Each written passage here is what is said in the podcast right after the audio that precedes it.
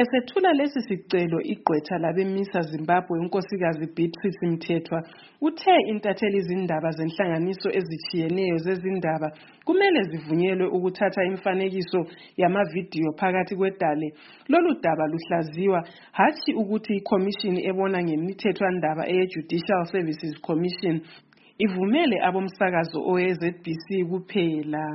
Uqhubeke ethi unkosikazi Mthethwa okwenziwe ngabe-Judicial Services Commission ukuvumela i-ZBC yodwa yokusakaza okuzabe kusenzakala kusasa yikweyisa eminye imisakazo njalo kuzaba nzima ukuthi yenelise ukuthola okuyabe kusenziwa ngabe-ZBC ngoba behlawulisa imali eningi ukubapha abakusakazayo. I-ZBC ibikwa yisithi ozafuna ukusakaza abayabe bekuthapha eConcord kuzamele bahlawule inkulungwane ezilithumi lantathu zamadola i-13,000 dollars ngelanga. Unkosikazi Mthethwa uthi i-ZBC kayitholakali ndawana yonke kodwa eminye imisakazo ilakho ukusakaza enkundleni zokukhulumisana ezebulenjini ezinjengabo-Facebook, Twitter lezinye ezitholakala kubomakhalekhukhwini.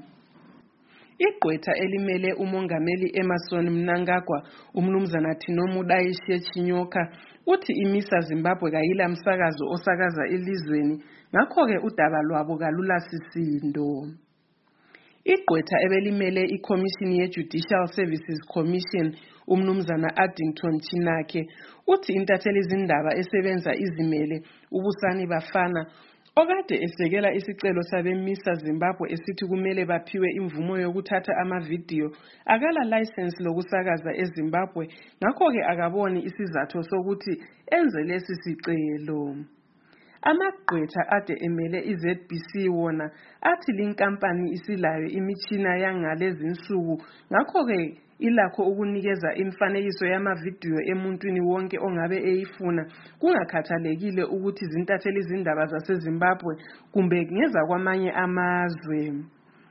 Umkhokheli wabahluleli bomthethwandaba waphezulu elizweni umnumzana Luke Malaba owahlulele lolu daba nguye olahle lesi sicelo sabemisa esithi abala layisensi yokusakaza elizweni kanye lobafana.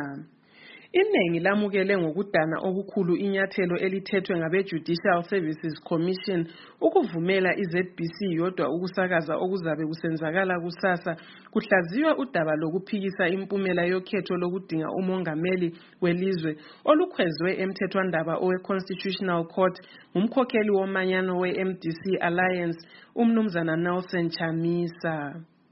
Kunjalo inkampani yomsakazo we-ZBC itshone ilungiselela umsebenzi wakusasa wokusakaza konke okuzakwenzakala kusasa kusahlulelwa udaba lokuphikisa ukuthi uMnangagwa unqobile kukhetho lokudinga umongameli welizwe.